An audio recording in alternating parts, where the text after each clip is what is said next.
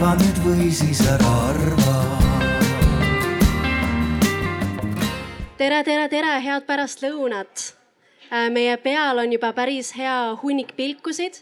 Äh, seal katuse all on, on tublid, targad inimesed, kes on varju läinud, seal on mõned istmed veel, kus saab istuda ja pluss äh, kuna me oleme nii ettenägelikud ja oma publikust hoolivad, siis me tõime kõik need istmeread veidi ettepoole, et kui soovi on, siis siin on mõned istmed veel, mis on, ütleme varjus, kus ei ole nii kuum, kui, kui ehk mujal on Äh, ja, ja seal taga on ka meid tegelikult päris hästi kuulda, nii et te võite täiesti kuulata oma kehakutset, leida üles need nii varjulised või, äh, või päikselised kohad, kui teile meeldivad, sest et meil on ette valmistatud poolteist tundi ehk siis üheksakümmend minutit täiesti äh, uskumatult väärtuslikku Äh, diskussiooni teie jaoks äh, kolme suurepärase eksperdi ja ühe uudishimuliki diletandiga.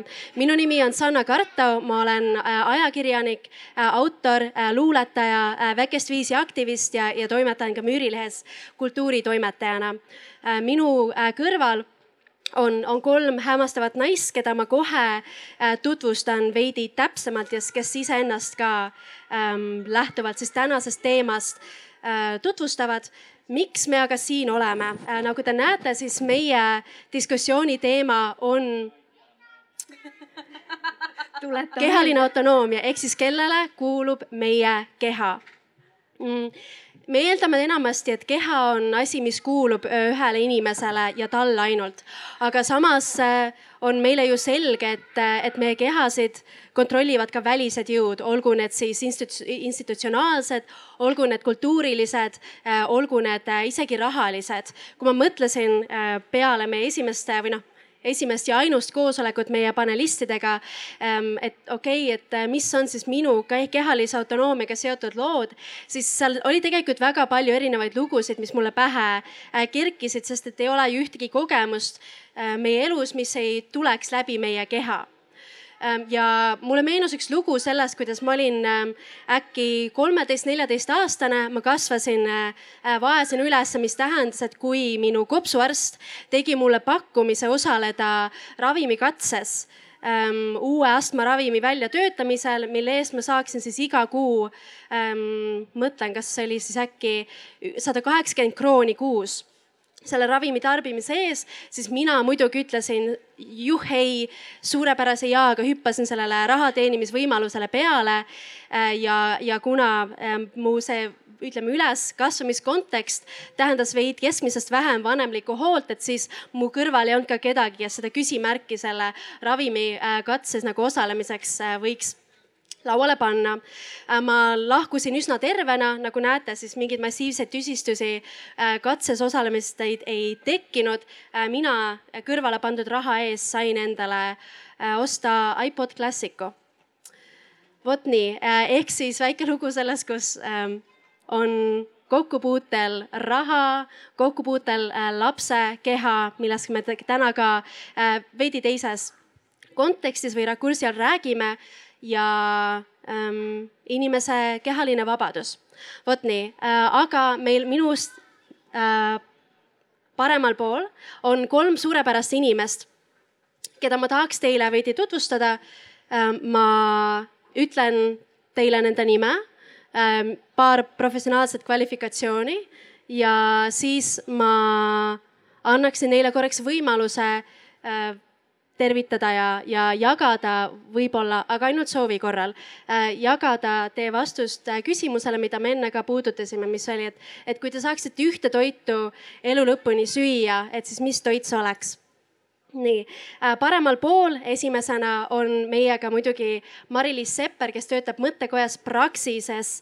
Ähm, ta töötab soolise võrdsuse ja võrdsete võimaluste programmi juhina ja on teada-tuntud ja üks esimesi ja ütleme kõige võimsamaid soolise võrdõiguslikkuse edendajaid Eestis juba, juba aastakümneid. ma vaatasin netisest järgi ja kuidas sul läheb, Mari-Liis ja mida sina elu lõpuni sööksid? publiku ootused väga kõrgeks minu osas.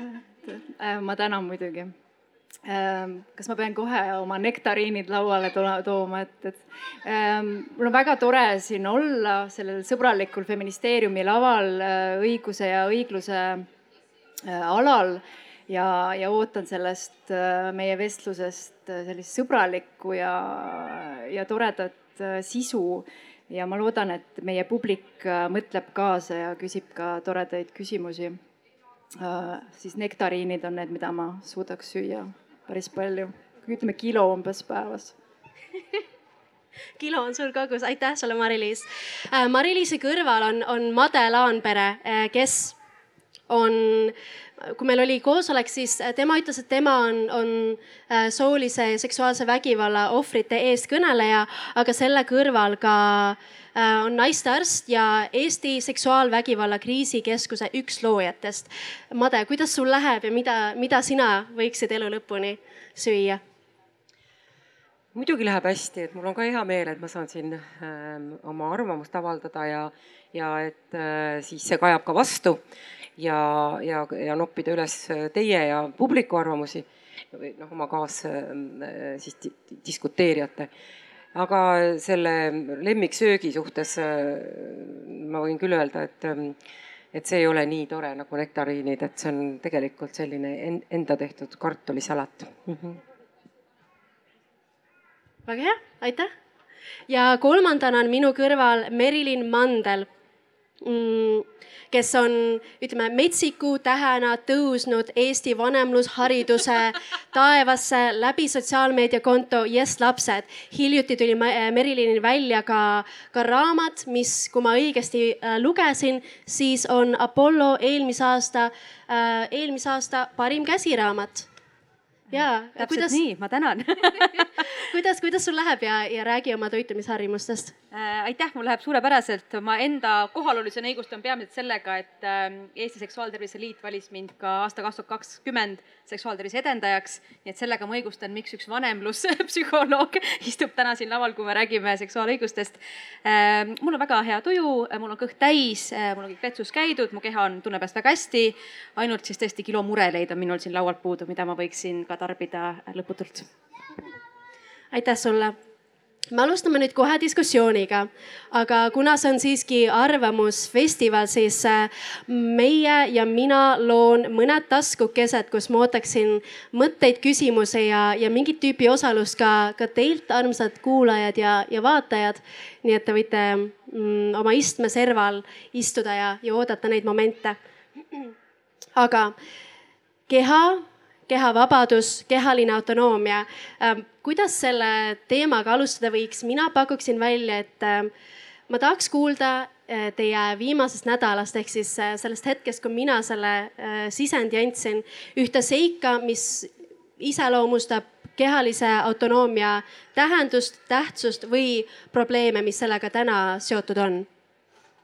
võite vabalt, kes, kes tahab, võib, võib julgelt alustada ma siis teen otse lahti, sellepärast et äh, ma väga teadlikult hoidsin silmad lahti äh, oma seal Instagrami kontol Yes lapsed äh, tegin sellist paar polli ja küsitlust ka, kus ma küsisin siis lapsevanematelt, et noh, selleteemalisi küsimusi ja rääkisime. ja ma saan seal iga päev hästi palju kirju ja üks kiri, mis tuli nende seksuaalde nagu teemade peale, minu arust ilmestab väga hästi seda punkti, kus me praegu ühiskonnana oleme kehade ja seksuaalõiguste äh, teema osas. üks lapsevanem kirjutas mulle murelikult, et kui mul on niisugune kahe poole aastane laps ja ma saan aru, et tema keha on tema oma ja kõigil on vaja nõusolekut anda, keegi tohib tema kehaga asju teha.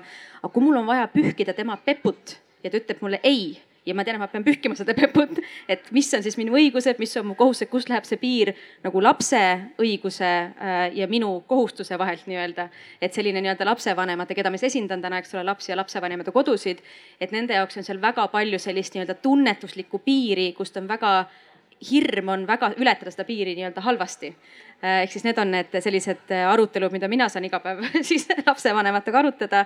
või siis loomulikult need teise nurga alt, kus inimeste ahastused on, et kuidas ma ikka ütlen oma tütrele, kes on kolmeaastane, et pese häbeme mokkade vahelt ka, et see on ju nii nilbe ja siis sa arutad seda sellist nagu sõnakasutust ja sellist ebamugavustunnet, mis selle teemade nagu ümber tegelikult on ja rõhub pidevalt sellele, et lapsel on turvalisem, kui me räägime, mis kehaosad tal on. et need on umbes see punkt, mida mina ise oma argipäevatöös praegult väga äh, olen see nädal teadlikult äh, jälginud. aitäh sulle, Made no mina töötan ju niivõrd kõige, peaaegu et kõige konservatiivsemas äh, süsteemis ja, ja see on tervishoid.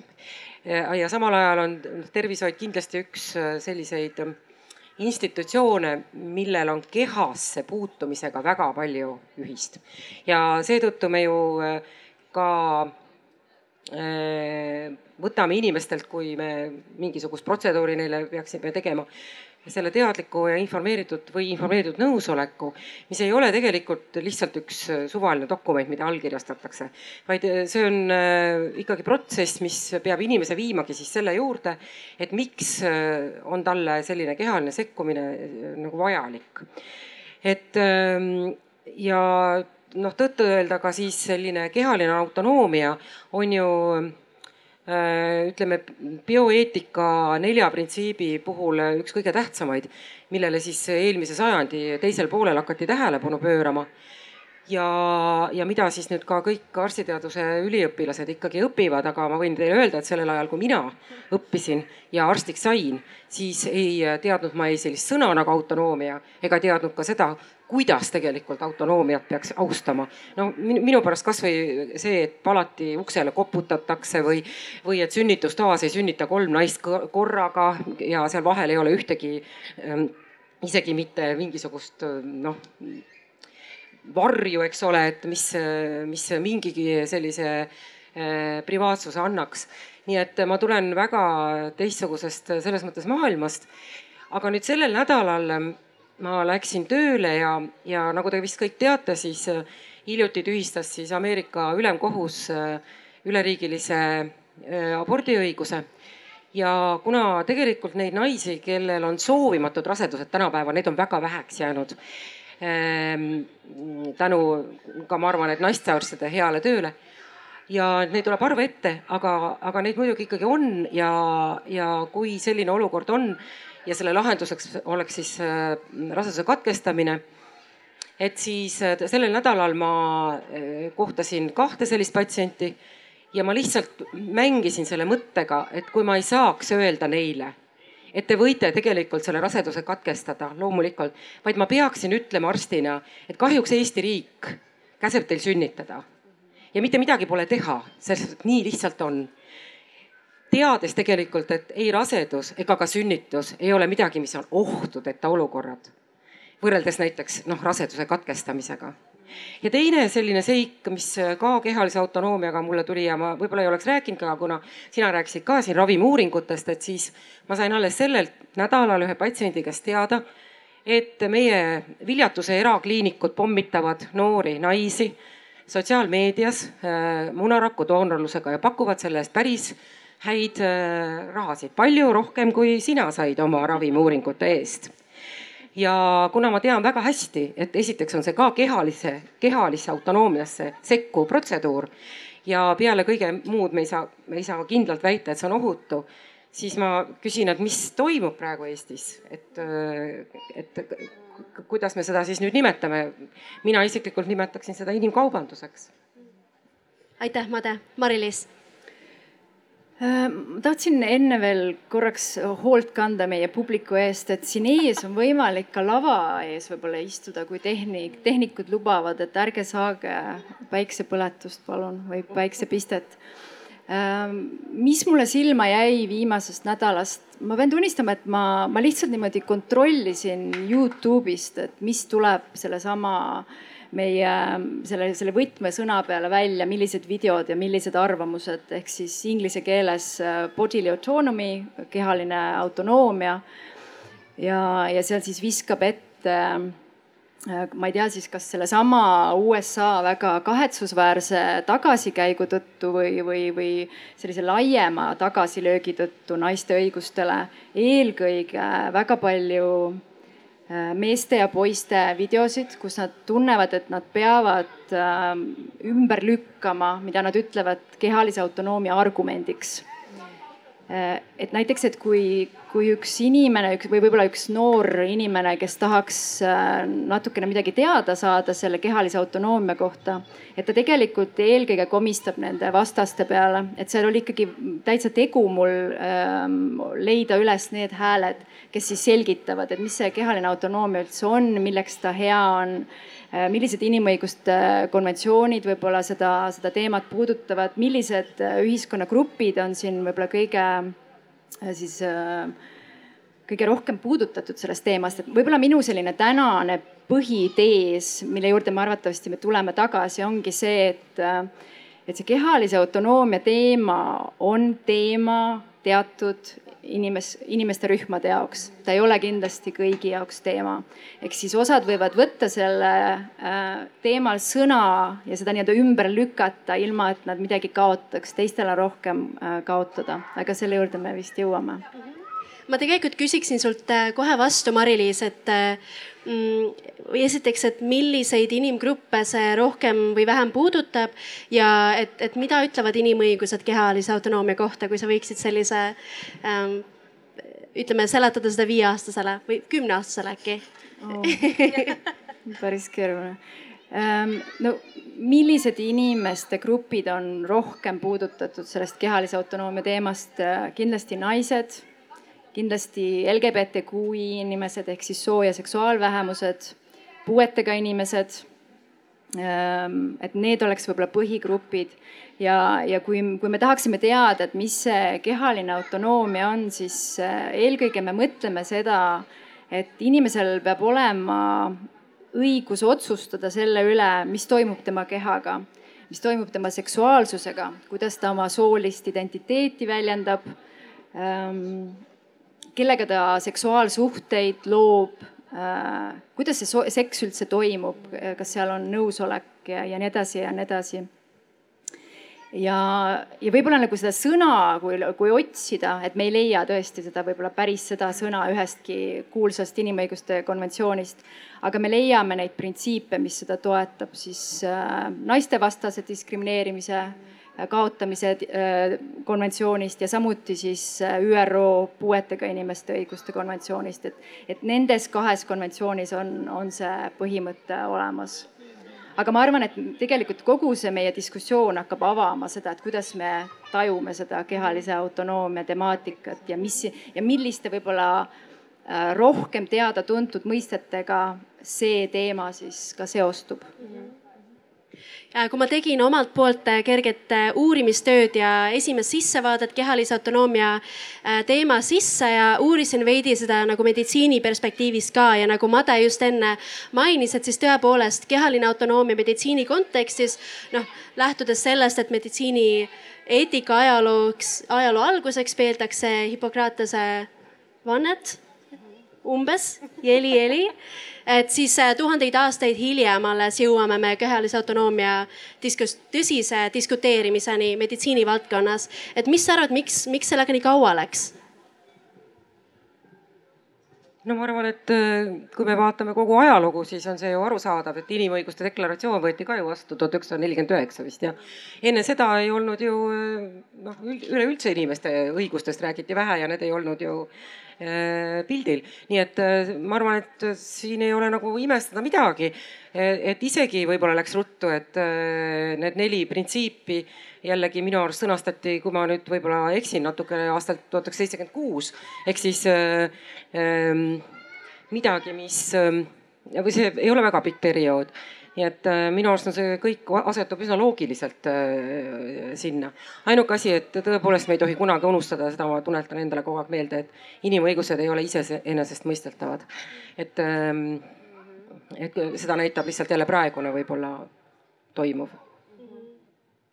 Äh, ütlen ka vahele, et et te võite üksteisele ka vahele segada, kui, kui soovi on, aga esimene sihuke nagu suurem huvigrupp, keda me tahtsime katta selle vestluse jooksul oli, oli veidi rääkida laps, lastest ja esiteks nad siin taga kilkavad ja ma tervitaks äh, kõiki lapsi, kes oma kehalist ja häälelist autonoomiat siin väljendavad. aga mm, kui sind siia kutsuti ja sa said aru, et okei okay,, äh, oma perspektiivist ja lähtudes oma professionaalsest kretinismist hakkan ma nüüd rääkima professionaalsest autonoomiast või vabandust, kehalisest autonoomiast.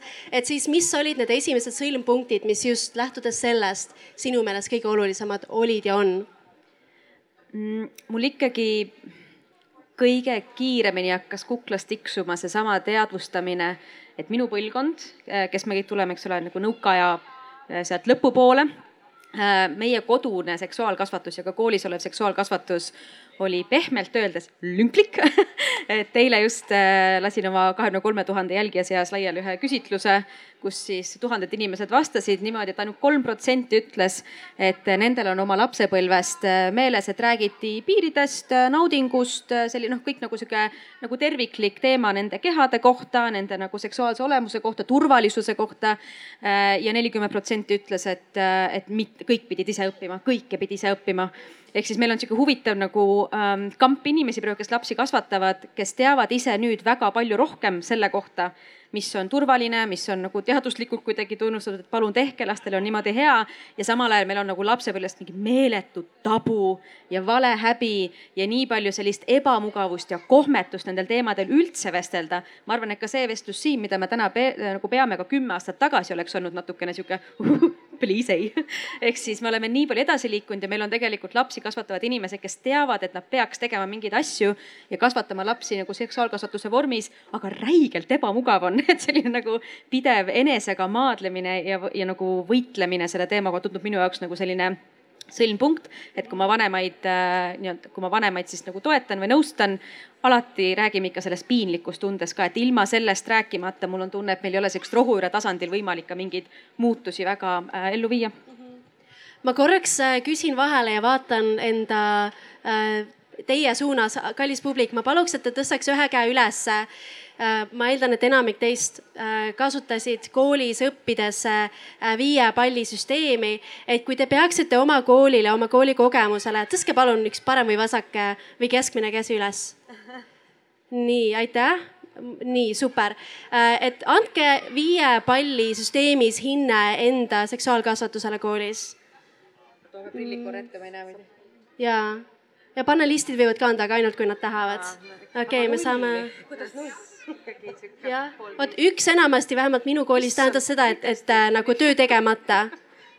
hüva, väga huvitav, aitäh teile. nii ähm,, ütleme, sa lähtusid või kirjeldasid seda kehalise autonoomia küsimust peamiselt lähtudes seksuaalkasvatusest, eks praegu. et mis kontekstides just äh, pedagoogikas äh, kehaline autonoomia veel äh, nagu sisse tuleb teemana ja võite, võite julgelt äh, täiendada, kui soovi on äh,? no üks kõige sihuke praktilisem, argisem ongi kehaosad, et inimene teaks, mis, mis ta kehas on, mis on okei okay,, kas see on okei okay,, et mu selline kehaosa teeb selliseid asju või see ei ole, kas see on murettekitav või see on normaalne. et eile jälle kõik need sajad inimesed vastasid ka, et kes ei teadnud veel nagu ülikooli minnes, et äh, menstratsioon, mida tegelikult endast kujutab.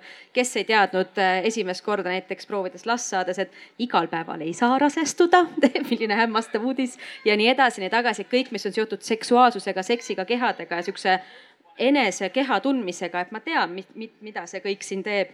et äh, see, see on nagu selline üks aspekt, teine loomulikult nagu mainisin ka see see autonoomia ka lapse nii-öelda argipäevas, et vanaisa tahab kalli, laps ei taha kalli teha, kas ma ütlen talle, et mine tee ikka, muidu vanaisa solvub. või ma ütlen talle, et see on okei okay,, sa ei peagi, et lehvitame talle, et õpetada pidevalt seda, et sul on õigus valida, mida sina oma kehaga teed, isegi kui teine on kuri või tal on ebamugav või ta solvub. see kõik on suvapeas, sul on turvaline ja võib-olla, mis siin ka nagu, et laiendada seda nagu kehalise autonoomia nagu teemat veel nagu hästi argisesse kohta. kui meil koolis lapsed küsivad, et kas ma tohin pissile minna ja öeldakse, et ei tohi või et miks sa siis vahetunnis ei käinud. jälle me kuidagi unustame ära, et ka see on kehalise autonoomia küsimus, et mul on praegult vaja minna ja mul peaks olema õigus minna tegema seda, mitte mõtlema tund aega ette, et ega mul selle inimese tunni ajal ei tule pissihäda näiteks. et see kõik on seotud sellega, et ma pean aru saama, et minul on õigus oma otsustada selle üle, mis mu kehale parasjagu tegelikult kõige parem on. ja neid on võimalik nii palju rohkemat teha kui vestlustega ainult selle üle, et kunagi, kui täiskasvanud kehad saavad suureks, siis võivad teha peenised niimoodi ja tuped niimoodi, et see on, see on juba, see on paljude detailsem vestlus, mida me juba räägime, et sihuke argi autonoomia on tegelikult palju nagu, nagu lihtlabasem, ütleme siis niimoodi. Ma muidugi lihtsalt võib vahele öelda korra, et ma kõiki lapsevanemaid, kes siin istuvad, siiski nagu rahustaksin, et et tegelikult näitavad uuringud seda, et selline seksuaalkasvatus, mis peab kindlasti algama lapse, lasteaiast, peakski usaldatama rohkem professionaalidele, lastevanematel ei ole tegelikult noh, ütleme muud rolli kui, kui, kui see, et, et tur-, et lapsed tunneksid ennast turvaliselt. et nad austaksid, eks ju, et nende, et nad armastaksid oma keha ja nii edasi aga et muud teadmised tegelikult peaksid tulema ikkagi lasteaiast ja koolist. ja, ja, ja kui meie oleme ka oma uuringuid teinud ja küsinud, et kas te sooviksite, et noh, kui palju te saite teadmisi kodus, aga kas te sooviksite, et, et lapsevanemad räägiks sellel teemal rohkem, siis üldiselt ei. ja kui te mõtlete nüüd ise, siis tegelikult te ka ei läinud ütlema näiteks emale-isale, et täna öösel oli mu esimene seksuaalvahekord eks, et, et on asju, millest tegelikult lapsed ja vanemad ei räägi, aga see noh, see, mida teeb praegu Merilin, see on ikkagi muu, see on tundekasvatus, eks ju, see on, see on hoiakute kujundamine ja, ja nii edasi mm. -hmm kui, kui ma võin lisada, et võib-olla üks selline minu jaoks oluline mõte, mida ma seostan selle laste kasvatamise ja, ja nende selle kehalise autonoomia õpetuse andmisega on ikkagi see, et kui sa oled lapsena selle teadmise saanud siis sa võib-olla ka täiskasvanuna käitud äh, teatud teisel viisil oma suhetes, sa oskad ära paremini tunda ka neid selliseid väga ebameeldivaid või vägivalla äh, situatsioone äh, nii lapsena kui, kui ka siis, kui hiljem, et see tegelikult võimestab neid lapsi ja võimestab neid inimesi, kelleks need lapsed kasvavad eks üks osa sellest seksuaalkasvatusest tõenäoliselt on ka äh, teadmised selle kohta, et, et ei eksisteeri ainult äh, mehed ja naised, kes moodustavad ühe äh, nummi siukse ütleme, aatom. kaks pusletükki koos. jah, kaks pusletükki koos, kes saavad siis kaks last, kes on ka poiss ja tüdruk, vaid et, et seal on tegelikult mitu maailma sees, et võib-olla ma küsiks sinu käest, Mari-Liis, et, et kuidas sina kujutad ette seda, kuidas seksuaalvähemuste küsimusi võiks, äh, võiks noorte hulgas või laste hulgas äh, sellest rääkida? no esiteks võiks rohkem rääkida ja võiks rääkida nii-öelda pingevabalt, et kui seksuaal- ja soovähemused on olemas, nad on olemas, me oleme olemas, äh, siis, ähm, siis tuleb rääkida sellest. koolides on, on lesbisid, on geisid, on transinimesi, on Ähm, on mittepinaarseid inimesi. ehk siis, kui need noored ei saa koolist enda kohta teada, nad arvatavasti seal teismeeas alles otsivad ennast, otsivad oma teed, äh, kuidas nad tahavad oma sugu väljendada, äh, millised seksuaalsed eelistused neil on siis nad lihtsalt peavad seda infot kuskilt mujalt otsima, et ähm, ja kui õpetajad ei tunne ennast mugavalt selle teemaga, et noh, siis see on nagu selline see on juba siis haridusministeeriumi teema. Ehm, et, et see on okei okay,, et ma ei, ma ei süüdista siin kedagi, ma ei ütle, et, et õpetajatel ei või seda tunnet olla, et ma arvan, et see on väga arusaadav, et ehm, nõukogude periood kindlasti mängib siin rolli, kui me ise ei ole saanud seda õpetust ja seda tundlikkust, siis tulebki seda õppida. Et kindlasti jah, rohkem ja, ja pingevabalt ja sisukamalt lihtsalt rääkida nendel teemadel. ja, ja, ja kohaselt kindlasti eks, et ma lihtsalt jällegi siin kuulates Merilini, mul tuleb meelde see, et paljud inimesed ju siiamaani seostavad sõna seksuaalsus sõnaga seks. noh, seks on ju ainult midagi, mida seksuaalsusega teha võib seks on ainult midagi, mida seksuaalsusega teha võib. mida veel me, teha võib? aga seksuaalsus on ju midagi, mis on meil sünnist saadik olemas ja on olemas ka tõesti äh, vanadel inimestel, noortel inimestel, puuetega inimestel, puueteta inimestel. et, et ähm, et seetõttu see, see väike segadus äh, on mõnikord ka selle põhjuseks, miks äh, näiteks lasteaias algavat siis seksuaalkasvatust peetakse kuidagi ebakohaseks mm. -hmm. ja Laura tahab midagi öelda. jaa ah näed, kusjuures Kaimai saab sulle ka mikri anda. ei peagi mina oma omast lahti laskma okay.. mina ei saa, see räägib, jah? okei okay., kõlab, väga hea. et ma tahtsin ka öelda seda ja tere, et ma tahtsin ka öelda seda, et seda võimestab praegu väga edukalt popkultuur, et lugesin esimest korda New York Timesi bestsellerina. see oli küll väga klišee raamat, aga äh, armuromaan kahe mehe vahel, kes olid juhuslikult Walesi prints ja siis Ameerika esimene poeg. Äh, ja see oli ülilahe, et, et kuidas me normaliseerime läbi ilukirjanduse ja ägedate telesaadete seda, äh, et, et, et meil ongi need olemas ja see ongi elu normaalne osa. Et, et, et läbi popkultuuri äh, saab see palju, päris palju värvikama ja ägedama külje ja äh, aitab seda niimoodi edasi, et meie ühiskond oleks tervem ma võib-olla lihtsalt ütlen siia veel täpsust või noh, nagu laiendan seda mõtet ka, mis ma enne mõtlesin kiirelt selle nagu seksuaalsuse ja, ja LGBT erinevate äh, nii-öelda esindatuste eest, et siin lastele rääkides ka, et kui on ka noh, tihti vanemad, ma olen ka isse olnud diskussioonides, kus ütlevad, et, et liiga vara on, et liiga noh, nad ei pea teadma, et kõik sellised asjad on olemas, et liiga vara on. Ja siis sa vaatad nagu iga mingi põrsas Peppa, emme-issi teevad musi, on ju, et, et meil on nagu heteroseksuaalsuseks ei ole liiga vara, et kõik muu, kõigeks muuks on justkui liiga vara. et ka see nagu teadvustamine, et mingi mingid asjad on nii vaikimisi olemas ka laste enda laste kultuuris juba, millele me tähelepanu ei pööra, kuna me ei sõnasta niimoodi, aga tegelikkuses me ei pea ka neid teemasid teistmoodi kuidagi sõnastama kui see, kuidas põrsas Pepe ja Pepa ja tema naine teevad musi, eks ole, söögilaua taga, et, et, et see tegelikult just nagu selle nagu nähtamatu nähtavaks tegemine korra pilgu ja sõnadega tead, teadvustamine on see, kus me saame edasi liikuda. Ma võib-olla äh, uuriks jälle teie käest, äh, armas publik, et, et näidake lihtsalt kätega, et kui palju teid äh, mäletab juba oma esimesi nagu heteroromansse, kas kinolinadel või multikates, enne kui te näiteks seitsmeaastased olite ja kooli läksite. et kas te nägite mingit hetero, heteropropagandat telekas ja, ja raamatutes? okei, tundub, et, et sai nähtud. oma, oma märgid on sellest kindlasti ka ajukäärudesse jäänud mm aga nagu me nägime, nagu te meile enne näitasite ka, et siis äh, seksuaalharidus koolides on äh, praegu jätkuvalt äh, problemaatiline ja on seda olnud pikka aega inimene käib selle läbi. ta võib-olla uurib kas internetist või raamatust avameelset abielus, kui sa oled minu generatsiooni liige uh,. uurib äh, veidi lisainfot selle kohta, et kuidas asjad käivad ja et millised õigused neil on. ja kui see on puudulik, siis ma tahaks teie käest uurida, et, et mis on need mured, mida me ühiskonnas ja indiviidide tasandil siis näeme? et kui puudub seksuaalharidus või? koolis Äh, koolis, kodus, et mis, mis on need suurimad kehalise autonoomia probleemid?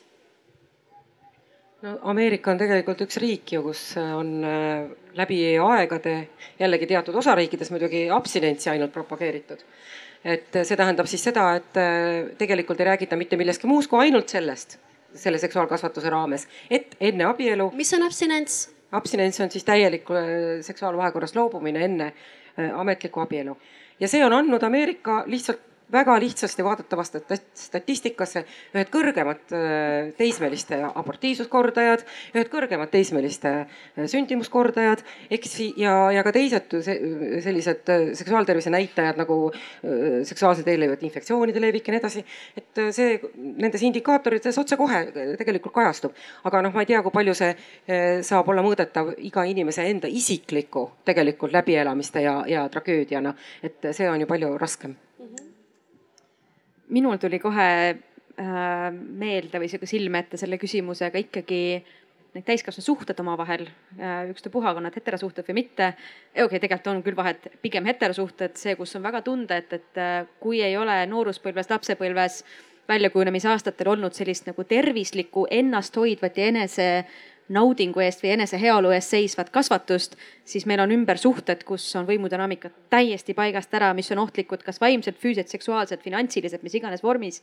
Ähm, et me näeme praegu ka jälle kõik need samad lapsevanemad, need ei räägi ainult lastest mulle, vaid ka oma suhetest, mis on paratamatud kodus pidevalt. nii palju on inimesi, kes tunnevad, et nad on nagu kinni lõksus, neil on halb ja kes kirjutasid mulle jälle nagu eilse küsimuse peale sadu vastuseid, et oleks nad varem teadnud, et minu heaolu on ka oluline, ka, ka seksuaalsuhtes selles mõttes, et ka minu nauding on oluline, et ka, et see ei ole nagu see, ma ei ole nagu mingi plaan F umbes, et no kui aeg üle, tegeleme sinuga ka, et mul on õigus ka öelda, et mingid asjad meeldivad, ei meeldi mulle. või siis näiteks ka hästi sihuke, ma ei tea, banaalne näide, et kui sa oled kellegagi seksuaalsuhtes, sa ei pea temaga seksima, kui sul ei ole isu et sellised hästi elementaarsed, kuidagi tunduvad minu kõlakambris juba jälle nagu nii kuidagi loomulikud ja vahepeal tuleb mul meelde, et, et me endiselt, meil on nii palju suhteid ümber, kus veel tegelikult kõik osapooled ei, ei teadvusta sellist, sellist nii-öelda kõigi osapoolte heaolu. kusjuures minu teada ei ole isegi Eestis uuritud seda nii-öelda Eesti naiste seksuaalsust sellest vaatest, et, et kui rahul ollakse oma seksuaalsuhetega, näiteks, et noh, ma ei tea kui, kui tihti ja kas üldse orgasmi saadakse? oleme uurinud Ole,. olete uurinud ja. ikkagi, ma tahtsin seda. Et... kaks uuringut on lausa tehtud ja kaks tuhat neliteist äh, oli, äh, olid küsimused, mida me kasutasime tegelikult ühe inglise ka sellise regulaarse uuringu põhjal, ühesõnaga viisime siin sisse et, ähm, et ega siis ainus asi on lihtsalt see, et mitte seal pikalt peatuda, on see, et küsimus äh, ainult rahulolust on väga lai, sellepärast et äh, rahulolu mõiste on väga lai, et millega keegi on rahul. et tegelikult selles mõttes palju rohkem peegeldavad just nimelt need küsimused, mis näitavad seda äh, noh, milliseid võib-olla just rahulolematust on olnud, vägivalda näiteks, eks ju Äh, pealesunnitud seksuaalsuhteid või midagi sellist. et võib-olla see näitab isegi võib-olla, võib-olla paremini, sest et äh, see, milline peab olema üks seksuaalsuhe või, või milline peab olema äh, kasvõi seksuaalvahekordade sagedus. see, see ei ole ju, siin ei ole ju mingit normaalset piiri. inimese ei pea üldse ühtegi seksuaalsuhet elus olema, eks ju. et aga lihtsalt see, mida keegi nagu normaalseks peaks, et küsitlusuuringud Äh, on äh, need nii-öelda sexual well-being uuringuid on väga raske läbi viia ja väga raske ka interpreteerida ja analüüsida. et me oleme seda küsinud, aga ma, ma, ma jään selles mõttes ikkagi nagu vastuse võlgu, et ma selle äh, kahekümne küsimuse puhul, mis me küsisime, ma küll ei oska praegu öelda, kas Eesti inimesed on rahul või mitte. sest küsimus on alati see, et millega ollakse rahul, eks ju. et olgu see minu arust ka orgasm, et ega orgasm ei ole ka seksuaalvahekorra ainus äh, asi, mida nüüd, et et noh, see, see, see, see ei ole ju mingi mõõdik, eks ju, kas sa oled rahul või mitte. Ehm, üks potentsiaalselt paljudest. see võiks olla üks mõõdik siiski. see on üks mõõdik ja kindlasti on, aga see pole ainuke, jah. Aga ma nüüd ta, tuleks korraks tagasi nende probleemide kirjeldamise juurde, et äh, probleemid lähisuhetes Äh, oma naudingu või heaolu mitte prioritiseerimine, äh, seksuaalvägivald, millega sina, Made, tegeled, äh, institutsionaalsed küsimused nii tervisesüsteemis kui riiklikult. olgu see siis soolise ülemineku protsessi ülimalt keeruline, ma ei tea, täielik kadalipp. kui paljud teist teavad sellist Eesti popstaari nagu Flumen? Okei okay,, paar, paar inimest teab, ma soovitan shout out to Flumen. Äh, ta on kirjeldanud oma kogemust äh, siis soolise üleminekuga Eesti Vabariigis ja jagab väga avameelselt seda, kui frustreeriv see protsess tema jaoks on ähm, ja mõt-, jah, mm, kuna Eesti riik ei, ei toeta tema üleminekut äh, piisavalt ja need järjekorrad on ülipikad, siis tema on mõnes mõttes läinud sellise gerilja ähm, või ütleme, süsteemivälise ülemineku kasuks. et ma võib-olla küsiks sinu käest, Mari-Liis, et, et kas sa võiksid nendest probleemidest meile natukene täpsemalt rääkida ja seletada veidi, et, et miks, miks on sooline üleminek isegi kehalise autonoomia teema no ma iseenesest vist juba mainisin ka, et, et see ongi selline sooline identiteet, kes me siis oleme, kellena me tunneme ennast, kuidas me väljendame oma, oma soolisust, et, et see on kindlasti kehalise autonoomia küsimus. ja Eesti paraku on ja praegu terve rea inimõiguste normidega ka vastuolus. aga võib-olla ma ei keskenduks niivõrd sellele olukorra kirjeldusele, et meil on piiratud aeg, et ma võib-olla üritaks sellist positiivset programmi äh, sõnastada, et mida siis nii-öelda, milline ta võiks olla, eks, et, et mis on puudu ja see ei puuduta võib-olla ainult transinimesi, et see ikkagi puudutab ka laiemalt, aga transinimestel ta lihtsalt tuleb väga valuliselt esile. et meil peaks kõigil olema enesemääramise õigus selles küsimuses, et ehk siis ähm, transinimesed kogevad seda, et riik tahab neile öelda seda või kinnitada üle, et kas sa tõesti oled see, kes sa ütled, et sa oled. et kes siin auditooriumis on äh, sissoolised või paiksoolised ehk siis äh, teie sooline identiteet vastab sellele äh,, mis määrati teie sünnihetkel. Ja siis te olete sissooline, et kui üritage nüüd kujutage, kujutada seda ette, et te peate riigile seda tõendama, et te tõesti olete naine või tõesti olete mees. ja riik ei usu teid et see, see on selline väga-väga groteskne olukord. ehk siis Eesti riigis on jah puudu sellisest enesemääramisõiguse põhisest ähm, lähenemisest transinimestele.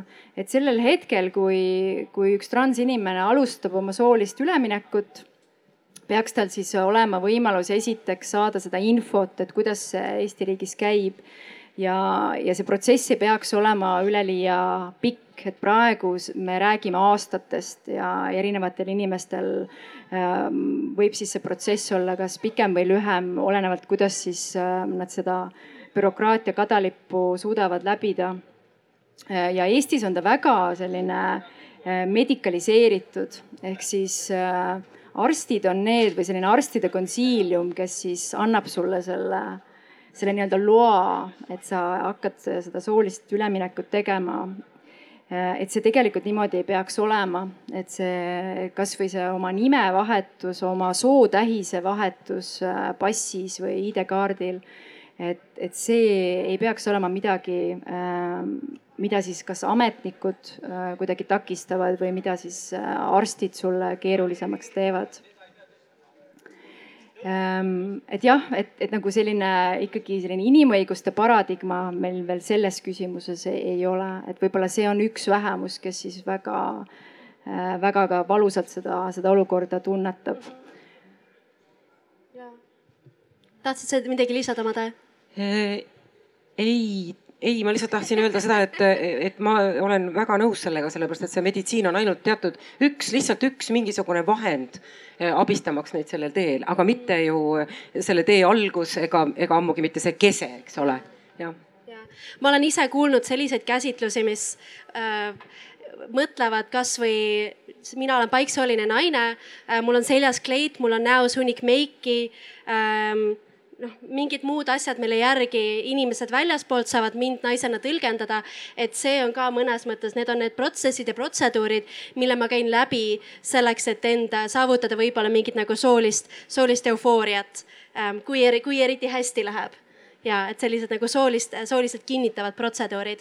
Äh, me enne mainisime ka seda, et ähm, et naised on mõnes mõttes üks spetsiifiline grupp, kelle suhtes või kelle jaoks on need kehalise autonoomia küsimused äh, veidi teistsuguse kaalu või teistsuguse tähendusega. et ma võib-olla küsiks teie käest, et, et miks see nii on, mida see tähendab ja ähm, ja ma võib-olla alustaks nende kahe küsimusega, et, et miks on naised selles mõttes nagu teises äh, olukorras ja, ja kuidas täpsemalt mina võin sellest tunde rääkida muidugi.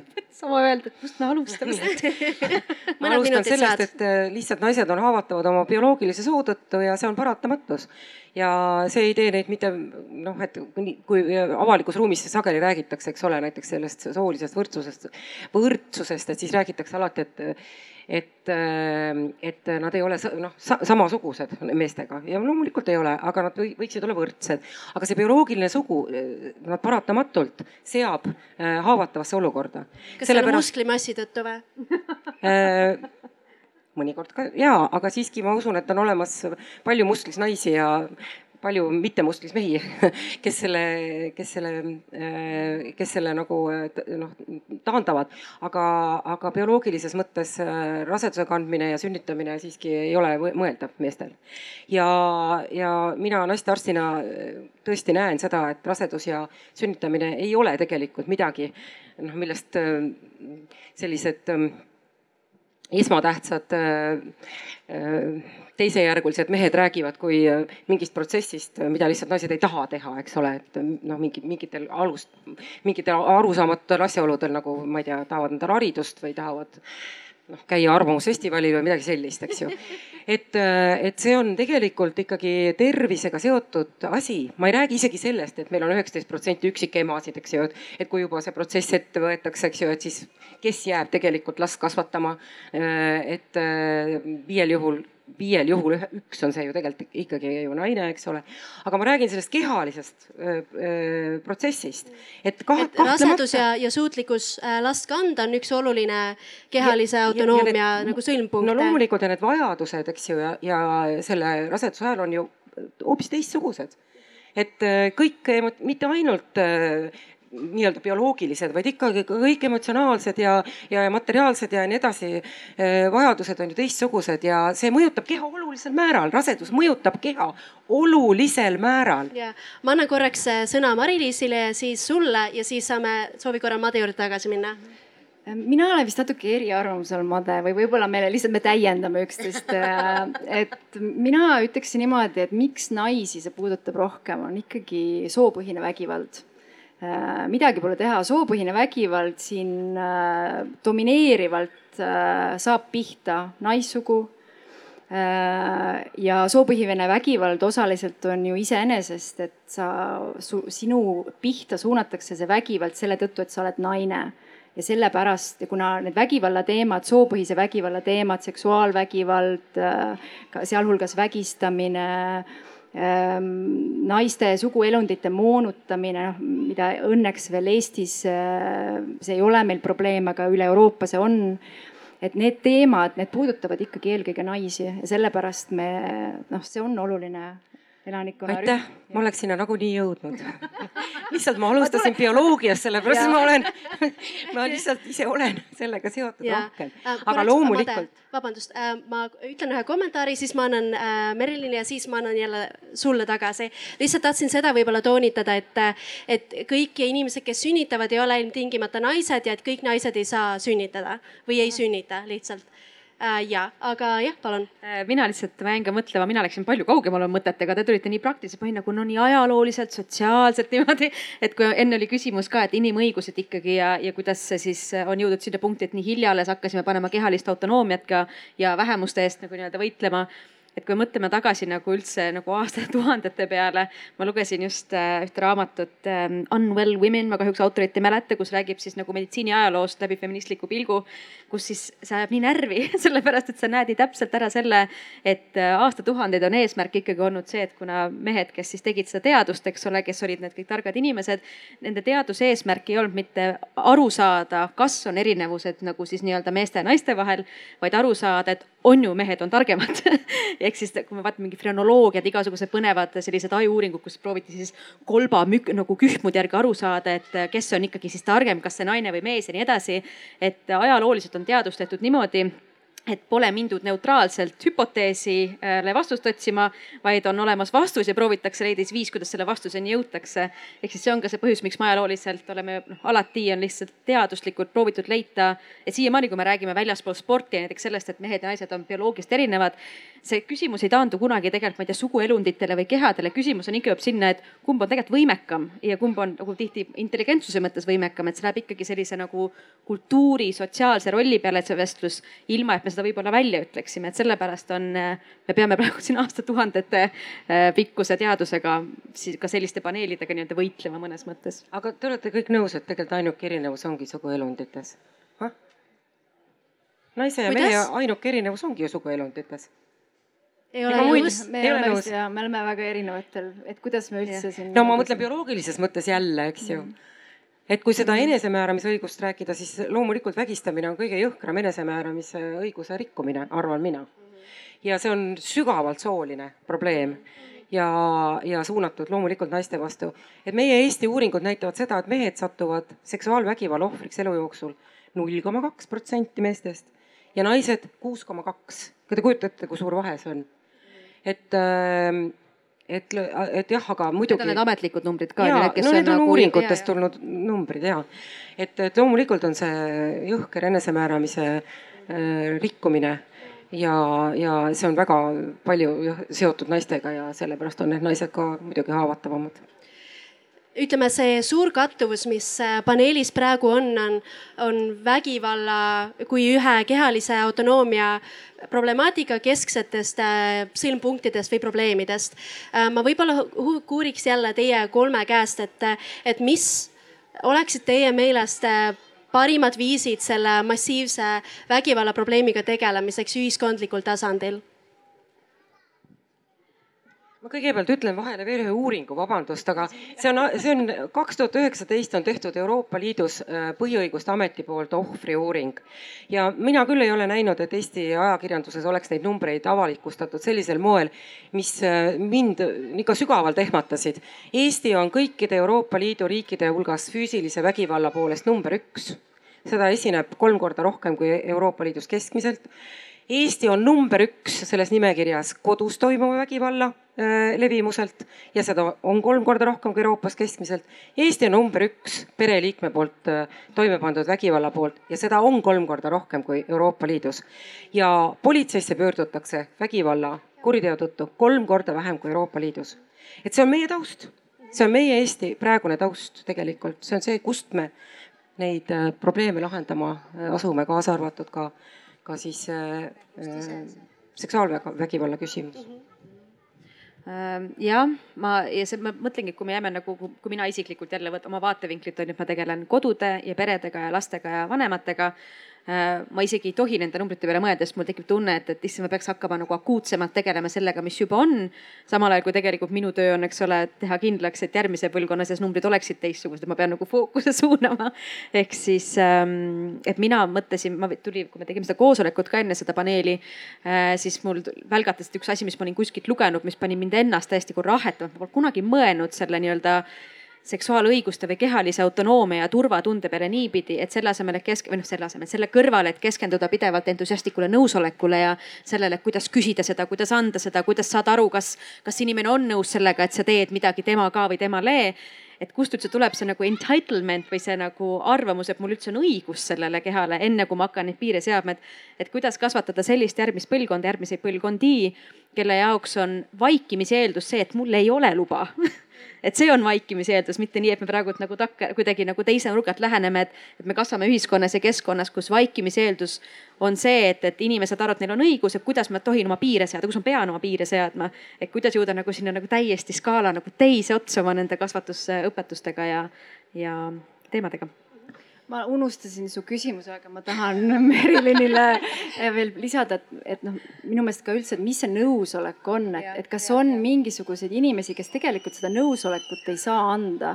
et kas me räägime nõusolekust, kui näiteks tüdruk on neljateistaastane ja mees on kolmekümne kolme aastane või seal on veel mingisugune alluvus või sõltuvussuhe üks on õpetaja või treener ähm, või me räägime mingisugusest äh, abielupaarist, elukaaslaste paarist, kus üks sõltub teisest majanduslikult. et noh, et kuidas siis see nagu see surve näiteks avaldamine seksuaal ähm, seksuaalsuhteks või seksuaalvahekorraks. et kuidas seal siis ikkagi selle nõusolekuga on, on ju, et, et noh, et, et see ei ole lihtsalt see nagu see jah, see, et see ei ole ainult, et, et kes saab äh, küsida seda, kes saab seda anda, et võib-olla teatud situatsioonides seda osad ei saagi anda, aga Made, võib-olla sina kindlasti. võtad selle? ja aga no kohe kindlasti mitte, et esiteks muidugi nõusoleku puhul just nimelt ei saagi midagi eeldada, et noh, see on see üks asi, et meie ühiskond eeldab mingeid asju ja siis eeldavad ka meie, me noh, eeldame meie ise.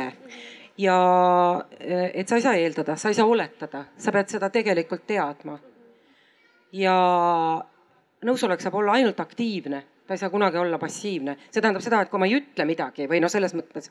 kehaga kuidagi oma olemusega. olemis või siis näiteks ei saa seda teha või siis äh, teen seda lihtsalt sellepärast, et ma soovin, et see olukord lõpeks. et noh, näiteks ütleme, need vägistatud, kellega ma igapäevaselt ka tegelen, siis äh, sageli nad ütlevad seda, et ma lihtsalt mitte isegi see, et seal on olemas teatud neurobioloogilised mehhanismid, kaasa arvatud aju dissotsiatsioon ja nii edasi, mis on kõik kirjeldatud ja mida meie kahjuks justiitssüsteem ei tea. lisaks sellele on ka veel see, et inimesed ütlevad, ma tegin seda, ma tund-, tegin seda sellepärast, ma tahtsin, et see saaks mööda. ma ja see ei ole nõusolek ja see ei ole nõusolek ka siis, kui, kui noh, ma ei tea, mingisugused noored inimesed, üks käib teisele kogu aeg peale, no ikka ma tahan seksida, ma tahan seksida sinuga, ma tahan sinuga seksida.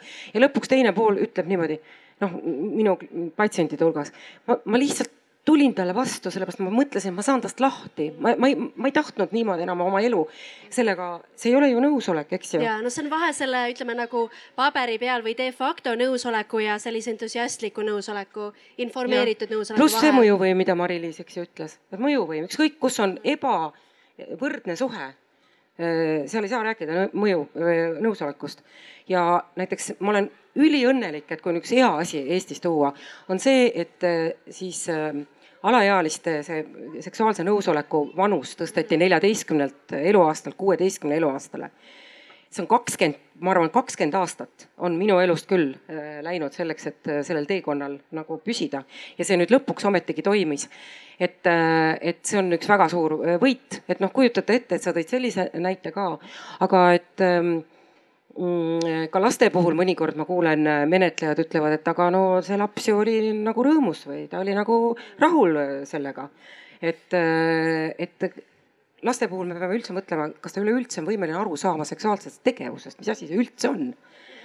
nii et, et siin on nõusoleku defineerimine on, on ikka noh, see, see peab olema rangelt vabatahtlik, aga kuidas kõiki neid argumente või noh, neid situatsioone sinna sisse kirjutada? et mul on tunne, ahah, kohe ma annan sulle ka mikri, aga et mul on tunne, et, et enamasti neid erinevaid situatsioone seob äh, kokku positiivses mõttes see, et, et kui, mis juhtub siis, kui ta ütlebki ei? Või et mis, mis juhtub siis, kui äh, me ei tahagi, me ütleme ei, et kas siis meiega ei juhtu midagi? Ja kui see outcome või tulemus oleks äh, Äh, ütleme positiivne, aga ei puhul, siis võime öelda, et hüva, et nõusolek selles olukorras võib äh, olla, ütleme, adekvaatne või, või legitiimne. mul lihtsalt äh. Äh, enne kui ma, sa võtsid juba mikri alla, no mul tuli meelde, et me tegime ka koos, ma tegin feministeeriumiga koos äh, ühte kampaaniat just see äh, kevad, mis oli suunatud just noortele, nii et alati õigus.ee on saidina või minu teada veel üleval. et seal on hästi palju, kirjutasime lahti võimalikult ka lauseid millega öelda ei, kuidas aru saada, noh, sihuke hästi nagu lihtsas keeles ja kui kellelgi on siin noori või kes. anna meile paar lauset, harjutame. harjutame või um,? okei okay, ähm,, mida me võib-olla teeme väga tihti, on see, et me eeldame, et see on nagu mustvalge, on ju. et ma ütlen ei, siis on ei ja jah on ja. aga ei võib olla ka näiteks, et mm, ma ei tea, kas mm, selline ebalevus äh,, jah, võib olla näiteks okei okay,, aga see võib olla jah, on ju, et see ei ole alati see, et sa pead selge piiriga öelda, et ma seda ei taha ja seda ma tahan, vaid ongi nagu see, et, et, et ma, ma nagu millegipärast ei usu, et, et tegelikult meil on nii palju ringi kõndivaid inimesi, kes teise kehakeelest ei saa aru, kas ta tunneb ennast mugavalt. et kui teine inimene on ikkagi nagu mingi mm, okei okay,, siis kuida-, noh, mulle nagu isiklikult äh, täiesti mittespetsialistina ei mahu pähe, kuidas see on kellegi jaoks jah et lihtsalt seal on hästi palju võimalikke viise, kuidas seda ei-d ja jah väljendada väga mitmet moodi. Äh, sama, mis me ütlesime ka võimudünaamikat, see, kas sa tead, et sul on turvaline öelda ei ja väga tihti ei ole turvaline öelda ei, ongi nagu iroonilisel kombel turvalisem öelda ja ja lihtsalt olla hästi nagu rõvedas olukorras pärast seda, aga see on turv-, see on elule sul nagu ohutum selles mõttes. et ähm, ja no ühesõnaga, seal ongi mingid siuksed laused ka äh, stiilis, et äh, äh, jah, aga mitte täna. Et samamoodi, et, et mida siis noh, et see on nagu mõlemad asjad koos justkui, aga lihtsalt ja kust see tuleb, see julgus selliseid asju öelda, hakkavadki kõik nende vanaisa kallistamistega pihta, eks ole, et, et see, et, et, et, et, et mina, mina kui täiskasvanu olen lapse jaoks ja noore jaoks turvaline täiskasvanu ja tunnustan seda, kui ta annab mulle märku, et tal ei ole mugav ükstapuha mis olukorras, näiteks ma ei tea, arsti juurde minnes ka sihuke arginäide kehalise autonoomia puhul on ju. ma tean, et tal ei ole tegelikult hea, kui sa süstid, tal ei ole mugav, talle ei meeldi see, et talle süsti tehakse. ma tean, et seda tuleb teha, aga ma ütlengi talle, et ma saan aru, et see ei ole mugav. ja ühesõnaga, et ma nagu teadvustan talle, et, et ma ei astu sellepärast piirist üle, et mind ei koti vaid ma astun sellepärast piirist üle, et, et see on sulle ohutum ja praegu sellest piirist üle astume. et seal on nagu ka need mitu dünaamikat lihtsalt, mida peab nagu meeles hoidma, et ei ei ole alati ei ja jah ei ole alati jah kehakeel tuleb mängu, intonatsioon tuleb mängu, kõik need asjad, et äh, jah. aitäh, jah. ja kas nüüd töötab? jah, super ähm,. mul tuli selleks seoses meelde ühe tuntud äh, lähis äh, seksuaalvägivallaga tegeleva prokuröri argumentatsioon just selle nõusoleku äh, vastu ja, ja kel, kelle lahendus oli äh, sellega, et me peame kõiki naisi välja õpetama suurepärasteks ohvriteks ehk et mida nad kohe teevad, kui nad vägistatud on. Ähm, see selleks, et, et mulle meeldis, et ka teie jõudsite sinna, mis on kõige targem, et, et kuidas me räägime sellest läbi teo toimepanija, mitte läbi ohvri, et, et, et see, mis on kõige sagedasem, et, et kuidas me ohvriga tegeleme, mida me teeme, mis ongi oluline aga unustatakse ära see vägivallatseja või siis see, kes vägistas. ma tahaksingi natuke, et te tuleksite selle teema juurde, et kuidas seksuaalhariduse puudumine, kehalise autonoomia mittemõistmine, mida ei anta äh, lastele just potentsiaalsete äh, vägivallatsejate hulka samuti suurendab. et see ei tekita ju ainult neid vaeseid naisi, kes äh, peavad tohutult suure trauma läbi elama. see võib ju tekitada ka väga palju noormehi, kes lihtsalt ei oska kes ei saa aru sellest ja keda ja, ja kelle tegu ja ka traumad, mis ta saab, tegelikult äh, saaks samamoodi ennetada äh,. ja et ta saaks äh, elada tervet seksuaalelu, mitte jõuda sinnani, et ta vägistab ära kellegi. ühesõnaga, temast saab te, vastu tema enda tahtmist kurjategija. sisuliselt on see nii. ma usun sellesse tegelikult, et, et ükskõik äh, kui palju infot sul on, sul on alati valik ja me teame seda, et, et, et kui sa oled vähegi okei okay, inimene, siis sa saad teha selle valiku, et, et hoolimata, et ma ei tea seda, siis see oli sinu valik, et selles ei ole küsimust, eks ole. aga see sillutab justkui nagu talle teed läbi teadmatuse, et ma ei ütleks mitte kunagi, et ta on süüst täiesti puhas, sest ta ei teadnud mitte midagi. sest et, et, et see, ma ei, saa seda kunagi õigustada ma Jah. võtaks kuidagi, läheneks sellele veel laiemalt mm, -hmm. et noh, meid kuulavad siin praegu mehed, naised, võib-olla mõned mittebinaarsed inimesed, ükskõik, mis see teie sooline identiteet on. ja te, te loete meediat igapäevaselt ja kui te loete neid erinevaid debatte nõusoleku üle ja nii edasi, et esiteks ma, ma arvan, minu soovitus on noh, võib-olla siis meestele, et mitte identifitseerida nende meestega kes asuvad siis sellele nii-öelda vastaspoolele ja arvavad, et, et, et see selline nõusoleku debatt, et seda peab kuidagi ümber lükkama. et see on debatt jah, et see on esiteks, et see on debatt ja noh, teiseks ka, et, et siin ei jookse need nagu mingisugused positsiooniväljad niimoodi, et ühel poolel on naised ja teisel poolel on mehed. meestel on väga palju võita sellest, et see, see nõusoleku teema, et meil oleks kõik nii-öelda haritumad sellel küsimus, selles küsimuses äkki räägid korraks sellest, et mida võita oleks? Laura tegelikult juba seda mainis, et noh, esiteks see, et, et, et praegu võib olla see, et me olemegi nagu läbi käimas mingit sellist nagu noh, mingit kultuurilist muutust või, või, või me, me nagu, me räägime läbi seda, et kuidas see siis peaks olema, et me ei ole rahul sellega, kuidas ta praegu on. aga, aga siin siis ongi see, et, et sa pead olema valmis õppima seda uut viisi ja, ja see ja selle, selle uue viisi, see tuleb ka nagu läbi rääkida. Ja, ja nii palju, kui on, on mehi, kes siis seksuaalsuhetes on naistega, siis nad ongi, nad peavad olema selles debatis kaasas ja mitte lihtsalt noh, nagu oponeerima, et me ei taha, me tahame, et asjad jäävad nii nagu on. et noh, siis sa, siis sa oled soolise ebavõrdsuse pooldaja, sorry, et noh, siis, siis sa lähed sinna äh, leeri. Aga see leer kindlasti ei jookse niimoodi, et ühel poolel on naised ja teisel poolel on mehed et see on ikkagi see, et, et kes tahavad õppida, kes tahavad nii-öelda uueneda ja olla kaasas selles debatis ja teised, kes siis ei suuda või ei taha õppida. või siis oma võimust loobuda tegelikult. aga veel korraks ma tahaks täpsustada, jah. Lihtsalt tuli meelde, et jälle ma toon sihuke hästi nagu argise näite selle kohta, kus me õpime neid nagu mustreid selle kohta, et äh, kuidas kogu see vestlus peaks käima. et vaatad mingit suvalist Hollywoodi rom-com'i ja sul on seal mingisugune tüüp, kes äh, tahab äh, mingit naist endale ja siis naine ütleb, et ma ei taha sind ja siis nagu kogu film on, keskendub sellele, et see tüüp lihtsalt käib talle pinda, kuni ta tahab teda. Ma võtsin selle väga nagu utreeritult kokku, aga põhimõtteliselt me näeme selliseid narratiive nii palju, kus nagu me kuidagi olemegi aastakümneid tegelikult promonud seda, et see on okei okay,, kui sa ei-d ei arvesta, kuna ta tegelikult ei tea, mida ta tahab. et kui me vaatame natuke jälle sihuke kriitilise pilguga kõike seda, mis on vanem kui viis aastat ja kuidagi vaatame kriitilise pilguga, kas see tegelikult pädeb minu praeguse elukogemuse nende inimeste suhtes, kellega ma tegelikult olen igapäevaselt seotud. kas see tegelikult pädeb ja, ja kui me vaatame, noh, ongi kõik need filmid ja noh, meedia, mis me loeme, et see kriitiline pilk, et korra nagu tulla sealt välja ja mõelda oma elu peale kas see tegelikult on nagu tõene või ma lihtsalt võtan selle vaikimisi vastu, et see võib-olla aitab ka natukene peas eristada seda tunnet ja fakti, mis, mis seal kuidagi on ümber. ma võib-olla ühe sellise väikse äh, märkuse tahaks teha, et me jõudsime niimoodi seksuaalsuselt äh, vägistamise juurde. aga ma tahan öelda, et vägistamine ja vägistamisel ei ole tegelikult seksiga mitte mingisugust pistmist. see on puhas jõu ja kontrolli akt, mida lihtsalt teostatakse läbi äh, siis seksuaalvahekorra. ja, ja see näiteks, et ka meil siin Eestis selles nõusoleku debatis on juhtivad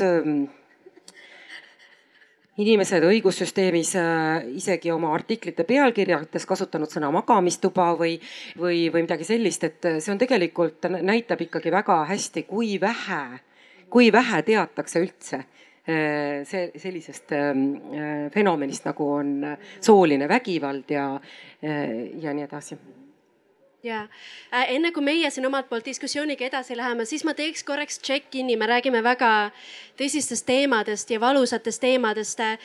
võtke korraks, tehke, võta väike äh,, ütleme hingetõmme, hinge korraks sisse, hinge korraks välja, ühenda oma kehalise autonoomiaga ja sellega, kuidas sa ennast selles füüsilises kehas tunned.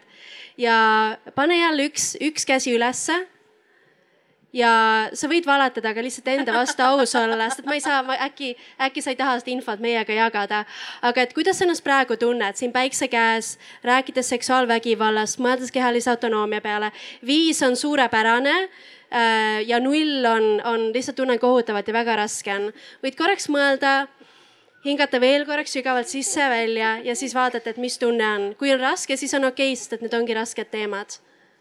Ma panen prillid ette või siis mm. -hmm. ma näen kümmet, meie hulgas on äh, kahe pöidlaga kaheksa jalga super, aitäh teile. ma tahaks jah loota, et kellel on hästi-hästi halb, et neil on täielik kehaline vabadus ka lahkuda selles mõttes. ma loodan, et siin kehalise autonoomia lava ees on, on see nagu elementaarne, et keegi ei pea vastu tahtmist kuulama, et see on, kõik on siin selline jah, vaba, vaba voli mm, ma laiendaks korraks teemat seksuaalvägivalla pealt mingitesse teistesse kontekstidesse, kus meie kehaline autonoomia on piiratud.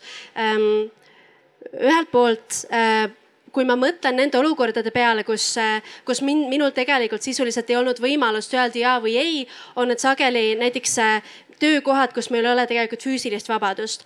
ma olen töötanud palju teeninduses, teinud kokatööd ja viinud kohvisid lauda ja mida iganes. et, et kui palju ähm, kui palju saab rakendada nõusolekust lähtuvaid äh, ideesid äh, kapitalistlikus süsteemis? ma tean, et see on natukene lai küsimus, aga kui ma võib-olla näiteks toon mingi näite selle kohta, kus äh, mm, ma töötasin Fancy's Itaalia restoranis, meil tuli just äh, kari rikkureid, tuli äh, peale sulgemisaega kohale, mina tahtsin tegelikult koju minna, jalad olid väsinud, me ei olnud pikalt joonud ega söönud, aga ülemus ütleb, et noh, et, et too nüüd menüüd, Sanna, ja vii nad lauda. et mida tähendab kehaline autonoomia kontekstis, kus inimesed sõltuvad rahast selleks, et ellu jääda mul praegult lihtsalt tuli meelde esimese asjana, ma teen ise ka ettevõtetele igasuguseid koolitusi, vaimse tervise, võrdsuse, mis iganes teemalisi. Ähm, ja lugesin statistikat, mida ma loomulikult täpselt ei mäleta, aga umbselt, umbselt on, umbkaudu on meeles. Ähm, et tänapäeva siis kõik millenialid, äh, kõik Z-generatsioonid, et nende seas on valdav enamus üle kuuekümne seitsme protsendi ja lihtsalt tulevad töölt ära, kui neile ei sobi tingimused ja seda on proovitud kuidagi pöörata selliseks nagu etteheiteks ja minu arust see on ülivinge. et mul on tunne, et me võime siin rääkida küll, et, et ilgelt raske on tööandjal, kui kõigil on nii kõrged nõudmised oma nagu kehaliste õiguste suhtes, aga ma nagu jälle sellise nagu mitte kõige sügavama kapitalistina ei näe siin väga palju probleeme, aga ma mõistan, et see tulebki loom-, see on jälle see nagu võimu küsimus ka juba selles mõttes, et inimestel ongi vaja raha, et pidada üleval oma perekonda, oma lapsi, et neil oleks kodu, toit laual ja neid on väga lihtne ekspluateerida. kui me rääkisime nendest siis, kus need jõujoonid lähevad ja kes on äh, nagu need vähemused, siis ongi need, kellel, kes ei ole võimupositsioonil lihtsalt paratamatult, aga, aga üldiselt on näha tendentsi, et tööandjatel tegelikult jääb aina vähem võimalusi olla äh, nii ähm, selles mõttes isekad ja oma nagu raha peal välja, sest inimesed lihtsalt lähevad töölt ära muidu. nii et laske edasi ma ei tea, kas see on seotud otseselt kapitalismiga, et võib-olla ma noh, minu esimesed mõtted on ikkagi see, et, et kuidas see kehaline autonoomia siis töö kontekstis, et mis probleemidest ta seal väljendub või, või mis on need lahendused. et noh, seksuaalne ahistamine, eks, et sa tegelikult juba mainisid seda ettekandja tööd, et noh, ettekandjad on kindlasti üks, üks ameti esindaja, kes kogevad päris palju seksuaalset ahistamist, medõed kuidas siis töökeskkonnas Ähm, kaitstakse neid inimesi, kes seda tööd teevad, et, et klientide poolt äh, sellist äh, soovimatut seksuaalse sisuga tähelepanu äh, need inimesed ei saaks.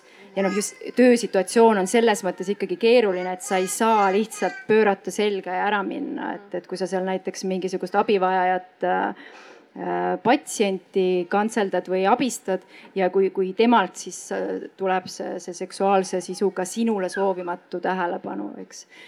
Ähm, ja noh, võib-olla nagu natukene sarnane on see, mis puudutab soolise sellise eneseväljenduse teemat, et minu meelest ma arvan, see oli võib-olla kümme-viisteist aastat tagasi, kui oli väga paljudes sellises panga ja pangalaadsetes asutustes, kus oli tegelikult ette kirjutatud sulle, et millises äh, Äh, riietuses sa pead näiteks naisena olema tööl, et kas see noh, näiteks, et pidid olema sukad isegi ka kui kakskümmend kaheksa kraadi väljas, äh, pidid olema seelikuga ja nii edasi. et noh, nüüd on, nüüdseks on need minu meelest Eestist kadunud, ma ei ole enam näinud neid selliseid sisekorra eeskirju, aga neid näiteks no üheksakümnendatel oli see pigem norm et noh, see on selline klassika ja noh, see tuli küll nüüd kapitalismiga, et selle ma võib-olla küll sellise kommerts, äh, sellise töökeskkonnaga, kus siis sa pead mitte olema lihtsalt hea töötaja, efektiivne töötaja, vaid ka sellise seksikuse või, või sellise soonormiga kooskõlas. et noh, seal ei olnud võimalus, et sa tuledki ja näiteks esined noh, pigem sellise võib-olla maskuliinse naisena ja väljendada ennast sooliselt äh, sellel viisil. jah midagi lisada? no ja mis puudutab, eks neid institutsioone, kui nüüd seksuaalset ahistamist kes-, kitsamalt võtta, siis äh, meil puudub ju absoluutselt kogemus ja tegelikult oskused, kuidas äh, institutsioonides sellega ju toime tulla. et äh, Äh, selliseid standardeid või, või, või sisekorra eeskirju ei ole ja neid inimesi, kes tegelikult nii-öelda ombudsmanitena neid olukordi lahendaksid, neid pole ju olemas. ja kui äh, Tartu Ülikoolis esimesed sellised olukorrad tekkisid, siis äh, midagi pole teha, ma pean ütlema, et minu armas ülikool oli abitu nende asjade lahendamisel kuna tõenäoliselt siin on meie hulgas päris palju inimesi institutsioonidest ja firmadest ja organisatsioonidest, kes võib-olla tahaksid neid luua, siis mis võiks olla see nagu alguspunkt, Made, kui sa oskad juhatada, et kui keegi siin tahab minna kas enda ähm, ütleme sinna mis see, selle nimi nüüd eesti keeles on, personaliosakonda või, või soovib rääkida ülemusega, et seda hakata luua, siis kuida-, kust alustada? ma ei tea, kas mina olen nüüd see kõige parem nõuandja selles asjas. mina vist midagi. räägi, räägi parem jah no esiteks minu meelest töötajana on see keeruline ikkagi, et kui sul on seal selline mitmesajapealine organisatsioon ja sa töötajana tunned, et see asi on puudu, et sa selle algatad, aga noh, see ei ole, see ei ole võimatu. noh, ma arvan, et ongi, et see saab alguse sellest, et see, sa, sa selle, selle teema tõstatad ja see, see mingi diskussioon peab algama organisatsioonis, et noh, et päris niimoodi võib-olla ei ole, et, et, et noh, kus, kus see seksuaalse ahistamise ennetamise ja sellele reageerimise juhend on, et noh, et, et sellega võib-olla ei pruugi kõige, kõige paremal viisil oma, oma tööandjaga suheldud saada. et ikkagi nagu noh, alustada seda debatti, et kas meil on seda vaja et kas, kas, kas meie organisatsioon on puhas sellest probleemist, et, et minu kokkupuude, kui ma, eriti kui ma töötasin võrdõigusvolinikuna, oli see, et, minuni jõudsid ka need organisatsioonid, kes siis olid kokku puutunud ja siis nad tulid selle peale, et ahaa, me tegelikult ei tea, kuidas sellega äh, ümber käia, selle situatsiooniga. et, et me tahame seda ennetada, me ei taha, et seda teist korda äh, toimuks et siis on nagu silmad avanesid, et ikkagi, et väga tihti on see, et, et kui on mingi uus teema ja noh, ma ütleks, et seksuaalne ahistamine ei ole enam uus teema, võib-olla, et see üheksakümnendatel oli. et siis see esimene reaktsioon on see, et aga no mitte meie organisatsioonis mit-, mitte meie külas, mitte meie linnas. meil on ju kõik mitte normaalsed Jaan. inimesed. Jaan on ju nii tore ja tüüp. mitte Jaan ka jah. et, et noh, et see peab ikkagi algama sellest, et ähm,, et noh, nähakse seda probleemi ja, ja noh, siis jõutakse lahendusteni ka see vist muutub, mulle tundub ka selles mõttes jälle nagu orgaaniliselt ka tõesti, et ju niikuinii vahetub see veri töökohtadel on ju ja tulevadki juurde inimesed, kelle jaoks enam ei piisa sellest, et kõik on normaalsed inimesed, vaid neil ongi juba arusaamine sellest, et võib-olla on ka ühel hetkel, utopiseerin natukene, ongi see punkt käsil, kus inimesed ei võta absoluutselt seda selle, sellise asjana, et keegi tegi mulle liiga ja ei tea, ma vist ei julge rääkida, tundub pigem see, et kus on, noh, ühesõnaga, et ma hakkan nüüd nagu seisma enda eest, et see tundub nagu loogilisem, eriti kui nad tulevad väga hästi ette valmistatud äh, kodusest äh, sotsiaalsest keskkonnast, kus on elementaarne, et sul on isiklikud õigused. et siis enam ei ole seda kohta, kus on võimalik äh, nagu öelda, et ah, sa oled, tasa ära sega meie dünaamikat siin tööl, et meil on ju nii tore kõigil koos olla pidudel ja aitäh. Äh, kusjuures kohe saabub väga eriline hetk, armsad kuulajad, kohalolijad ja kaasamõtlejad, mis tähendab seda, et teil tekib võimalus äh, natukene pikema ploki jooksul soovi korral küsimusi küsida, oma kogemusi jagada ähm, mingeid vastuolusid äkki nendele sõrmega osutada, lihtsalt äh, mikrit enda käes lihtsalt soojaks hoida. Mm. Kui ma selle teema peale mõtlesin ja ka neid diskussioone oma sees läbi käisin, siis ma ise tajusin seda, et seda nagu autonoomia puudumise normaalsust olen ma enda sees nagu sügavalt aktsepteerinud, et ma ühelt poolt äh, mina, ma pisendan enda vajadusi paljudes olukordades, ma te tekitan teises inimeses tunde, et see on täiesti okei okay,, kui ta mõnes mõttes teerullina minust üle sõidab. mu pagasis on palju siukseid nagu halli ala nagu seksuaalkogemusi ähm,. kui jah, et ma selles mõttes ma tunnen, et ma olen seda nõusoleku puudumisel põhinevat ühiskonda hästi palju sisse võtnud, internaliseerinud, kui te olete ähm, akadeemilise haridusega ähm,. uuriks võib-olla teie käest, et, et mis võiks olla sellise ähm, teistes inimestes sooja tunde tekitaja äh, programm, kuidas ma võiksin neid halbu harjumusi endast välja harjutada ja õppida enda kehalise autonoomia eest paremini seisma ülihea lebo küsimus siia lõppu, super. No pressure. Tõesti. Aga lihtsalt päästa mind, palun. Mina arvan, et ilma tegelikult enesega tegelemata seda ei saa. me peame nendest, me oleme kõik nende stereotüüpide küüsis, mis ühiskonnas on, kõik. kaasa arvatud ka meie siin, kes me siin istume mina mõtlen iga päev, et issand jumal, mis ma sellele mehele õhtul koju söögiks teen. ja ta ütleb mulle juba ei tea, viisteist aastat, miks sa selle peale mõtled üldse, vaatame, mis saab õhtul. nii et äh, me oleme kõik nende stereotüüpide küüsis, me peame nende hoiakutega lihtsalt ise tegelema. ja kõige rohkem me peame tegelema siis, kui me professionaalidena oleme nii-öelda abistajate rollis et vot siis on ülioluline, et küsimus ei olegi mitte selles, et, et meil ei oleks neid või, või et meie hoiakud oleksid kõik algselt täitsa õiged või midagi sellist. me peame endale lihtsalt aru andma, et, et, et me, meil võivad olla sellised hoiakud ja me ei tohi tegelikult öö, äh, oma professionaalsuse elu, elus äh, neid kasutada. noh, kõige lihtsam just nimelt, äh, kui rääkida just ohvri positsioonilt, et taasohvristamise vältimiseks mul võib-olla tuli selline mõte, mis loomulikult see on nii nüansirohke, siin ei ole mingit ühte standardit, kõigile sobib nüüd see nõuanne. aga see eneselahkus ka, et kõik, mis sinuga juhtunud on seni ja kõik, kus sa oled läbi tulnud ja mida sa oled kogenud, mida sa oled mõelnud, mida sa oled teinud, ükstapuha missuguste nagu dünaamikate najal, mida siin on sisse kasvatatud lapsepõlvest saati. et see nüüd on tehtud see on nüüd selja taga, et, et nagu kuidagi keskenduda sellele, et mida ma nüüd edasi saan teha ehk siis mul on tunne, et, et jälle, kui me nagu kasvõi see küsimuse esitus on samamoodi, et kuidas tulla toime sellega, mida kõike mina olen nagu, mis minuga on nagu olnud ja juhtunud. ma siin loomulikult, ma ei ole terapeut, see ei ole teraapiasessioon, see ei ole kindlasti mingi nõuanne, mis võib igas olukorras on ju, aga korra nagu fokuseeri sellele, et, et see nüüd kõik, et ma ei ütle, et, et asjad, mis on traumeerivad, et, et oh nii hea, et ma õppisin nii palju neist, inimesed võiksid palju õnnelikult elu elada ilma traumadeta, nii et traumad ei ole mingi õppetund, millest me hullult palju õppima peame, traumad on täiesti üleliigsed, vastikud asjad, mis juhtuvad inimestega mingitel hetkedel paratamatult. aga lihtsalt edasi mõelda, et mis ma nüüd teha saan nüüd, kui ma tean rohkem, nüüd, kui ma tean paremini äh, kuidas ma reageerin, võib-olla mõeldagi jälle minu alatine nõuanne, mõelda läbi mingid väga sinule omased laused, millega reageerida olukorras, kus sa tunned mingit ülekohut või ebamugavust. mõtle enda jaoks välja mingi stamplause, kasvõi see, et aitäh, mul ongi kontrolli all või mingid laused, millega sa sead nagu piiri, kui sul ei ole aega mõelda või sa täpselt ei saa aru, kuidas sa peaks nagu väljenduma. et pane ennast valmis selleks, et olukordi tuleb tõenäoliselt veel, mida sa varem oled võib-olla läbinud natuke nagu lünklikult või nagu õõnsalt ise.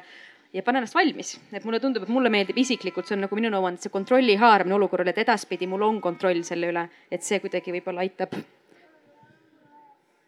ma vist kasutan siin korra, kohal seda trafaretti, et olen nõus eelkõnelejatega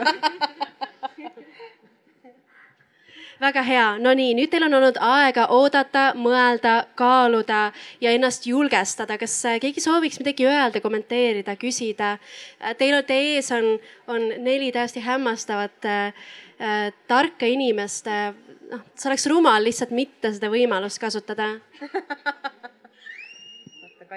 ohoh, näed te rääkisite siin äh, ilusti sellest, et näiteks nii soovahetuse puhul, et äh, riik ei tohiks nii palju sekkuda sellesse ja samamoodi siis ka näiteks samasooliste abielu puhul. ja minu küsimus on selles, et ähm, ma unustasin selle ära just ma mõtlesin okay. seda nagu mingi viis minutit. Take your time. ma olen päris kindel, et see tuleb mul viie minuti pärast meelde ja ma võin mikrofoni nii kaua kellelegi edasi anda tänada võib ka ja kiita. see liiga palava mõtlemiseks. okei.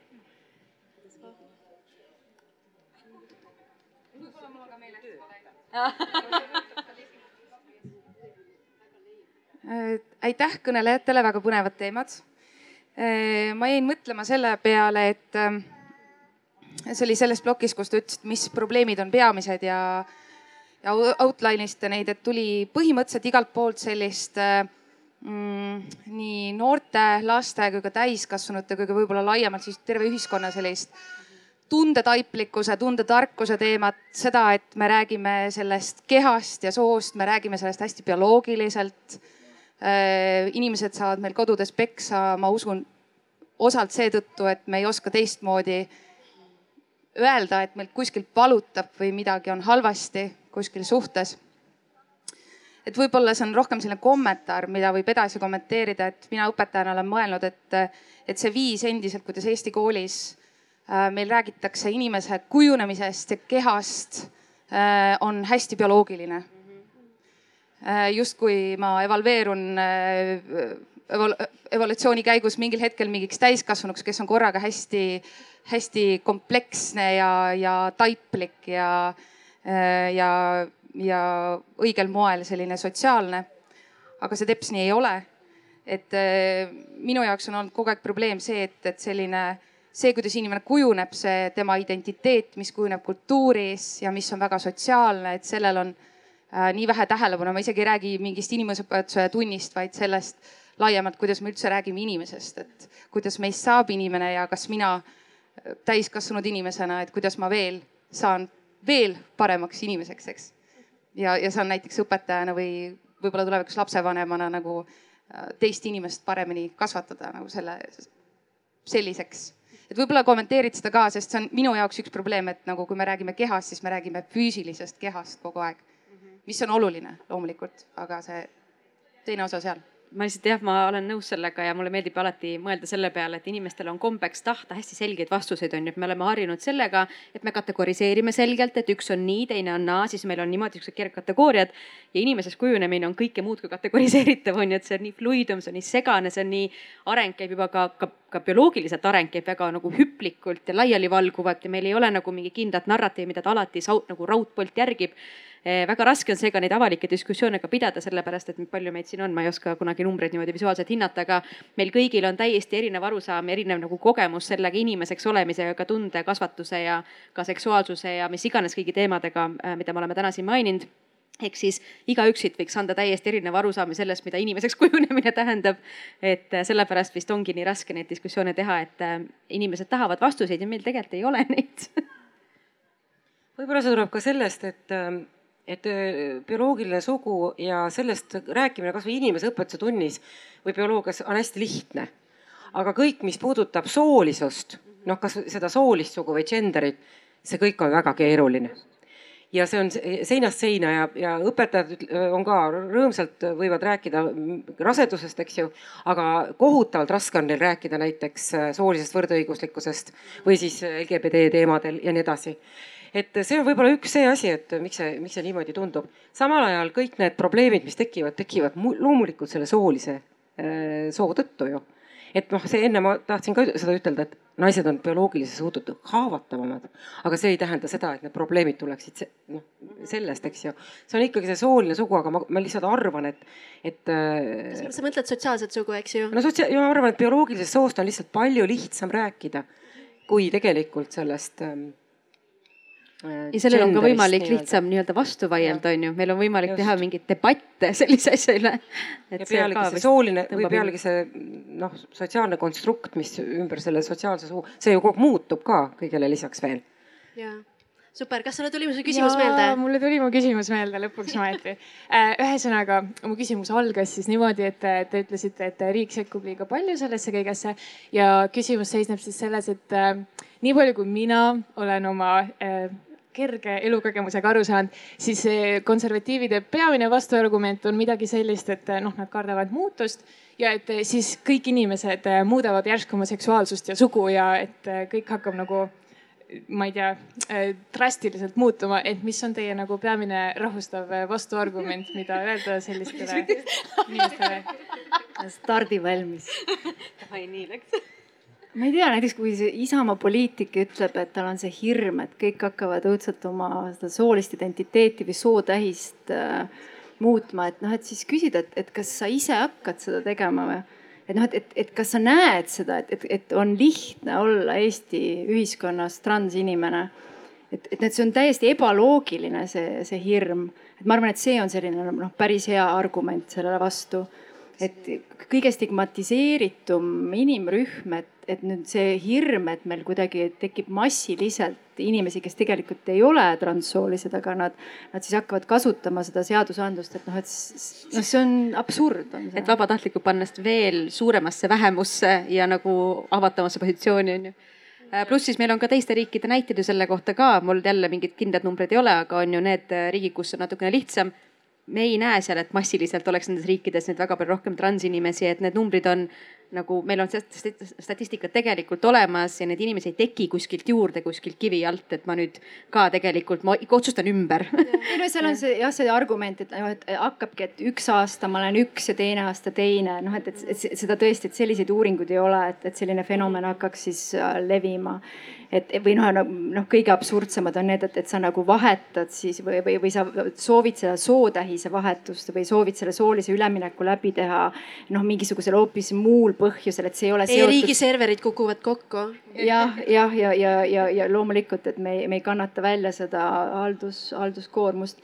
et noh, et see ka, et noh, et lihtsalt ei ole teaduspõhist, põhi, põhiseid andmeid, mis seda kinnitaksid, et noh, see ongi see argument super, meil on vist üks küsimus veel. Äh, no mul ei ole otseselt küsimus, mul on sihuke kommentaari moodi. Äh, ja see kommentaar on eelkõige tänu äh, selle arutelu eest, mis minu meelest oli väga huvitav ja nagu ma ise hästi kuidagi resoneerusin sellega praegu. sest et ma tunnen, et just mingi viimase poole aasta või aasta jooksul ma olen kuidagi väga palju rohkem teadlikuks saanud just selle kehalise autonoomia teemadest.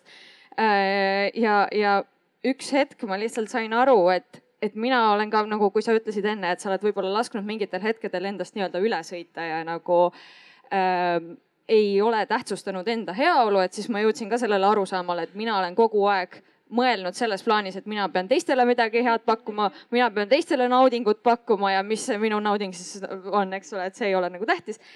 Et äh, mingil hetkel, kui ma sellest ise aru sain, siis minu jaoks nagu hästi oluline oli see, et, äh, et noh, olles kahekümne nelja aastane üsna noor inimene veel, kasutades väga palju sotsiaalmeediat ilmselgelt, et siis lihtsalt vahetada välja see keskkond mis mind sotsiaalmeedias ümbritseb.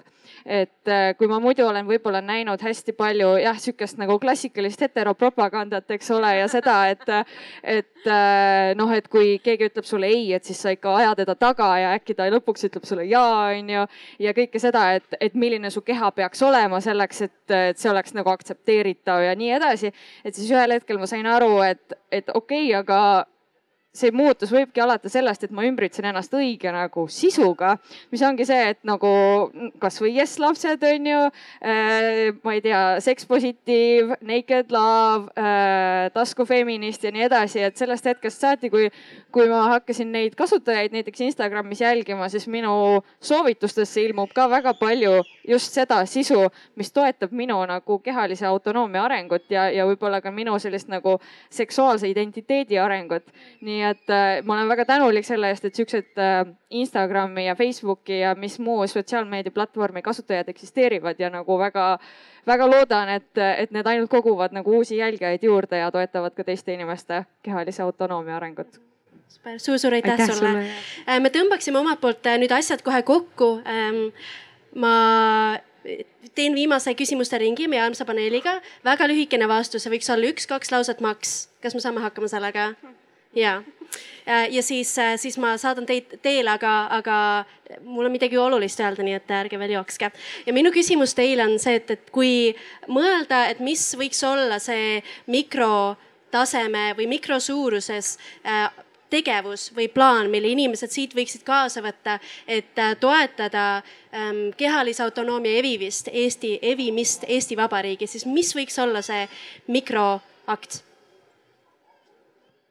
Kui sõidad täna siit kellegagi autos koju, siis räägi nendel teemadel mõtle, mis mõtted sul tulid selle vestluse ajal, mis tunded sul tegid, mis sind ajas närvi, millele sa tahaks vastu vaielda. lihtsalt rääkige sellel teemal edasi, et see ei jääks nagu lihtsalt korra siia õhku ja siis nagu kuidagi vaibuks peas jälle ära ja tegelikult väga hea, et sa ütlesid seda. mul on siit edasi hea minna, et see vaikimine on kõige, kõige, kõige hullem asi, et see, kui nendel teemadel ei räägita ja, ja need pannakse sahtlisse. et ma arvan ka, et äh, rääkige ja isegi kui juubelilauas tekib selline mm, noh, diskussioon, see muide ei pruugi alati olla nii, et vanem põlvkond versus noorem põlvkond, kuigi, kuigi sageli see nii on. et siis äh, ma arvan, et, ähm, et onu Einole võib öelda ikka küll, mis ma arvan. et see on äh, jah, väga oluline. aitäh. Äh, ma arvan, minu puhul, minu soovitus oleks see, et võib-olla korraks võtta see minut-paar ja mõelda, et mis see kehalise autonoomia teema sinu jaoks tähendab või kas sul on seal nagu mingisugused hellad kohad mis nõuavad sinult, et sa kuidagi saaksid teadlikumaks või saaksid tugevamaks või, või, või seisaksid rohkem enda eest, et, et võtta vähemalt see paar minutit. võib-olla ka teiste eest teinekord. ja, ja. ja kui piinlik on, siis see on okei okay,, lihtsalt see piinlikkus läheb üle. Piinlikkus ei ole igikestev tunne, et kui on vahepeal on ebamugav, siis see tunne läheb üle, et mine ikka mõttega edasi nii, kas te võite korraks oma nagu käed valmis panna nipsutamiseks? ma tahaks, et me teeks siukse nipsutamislaine. halloo, teil on ju käed olemas enamikel äh,. nii, kas ma kuulen veidi rohkem nipse? vot see on, need on tänunipsud. ma lihtsalt tahaks tänada Mari-Liisi, kes meiega kaasas oli, Madet. ma tahaks tänada Merilini äh,. see oli nii suurepärane diskussioon, aitäh teile kolmele ja mulle ka. Nüüd vot äh, mm, hea töö. Mm omalt poolt ma annaks end, minu see mikrosoovitus pärineb ühe Siiri Hustveti, Hustveti esseest, kus ta räägib sellest, et, et toimus sarnane paneel, inimesed rääkisid nõusolekust ja vägistamiskultuurist.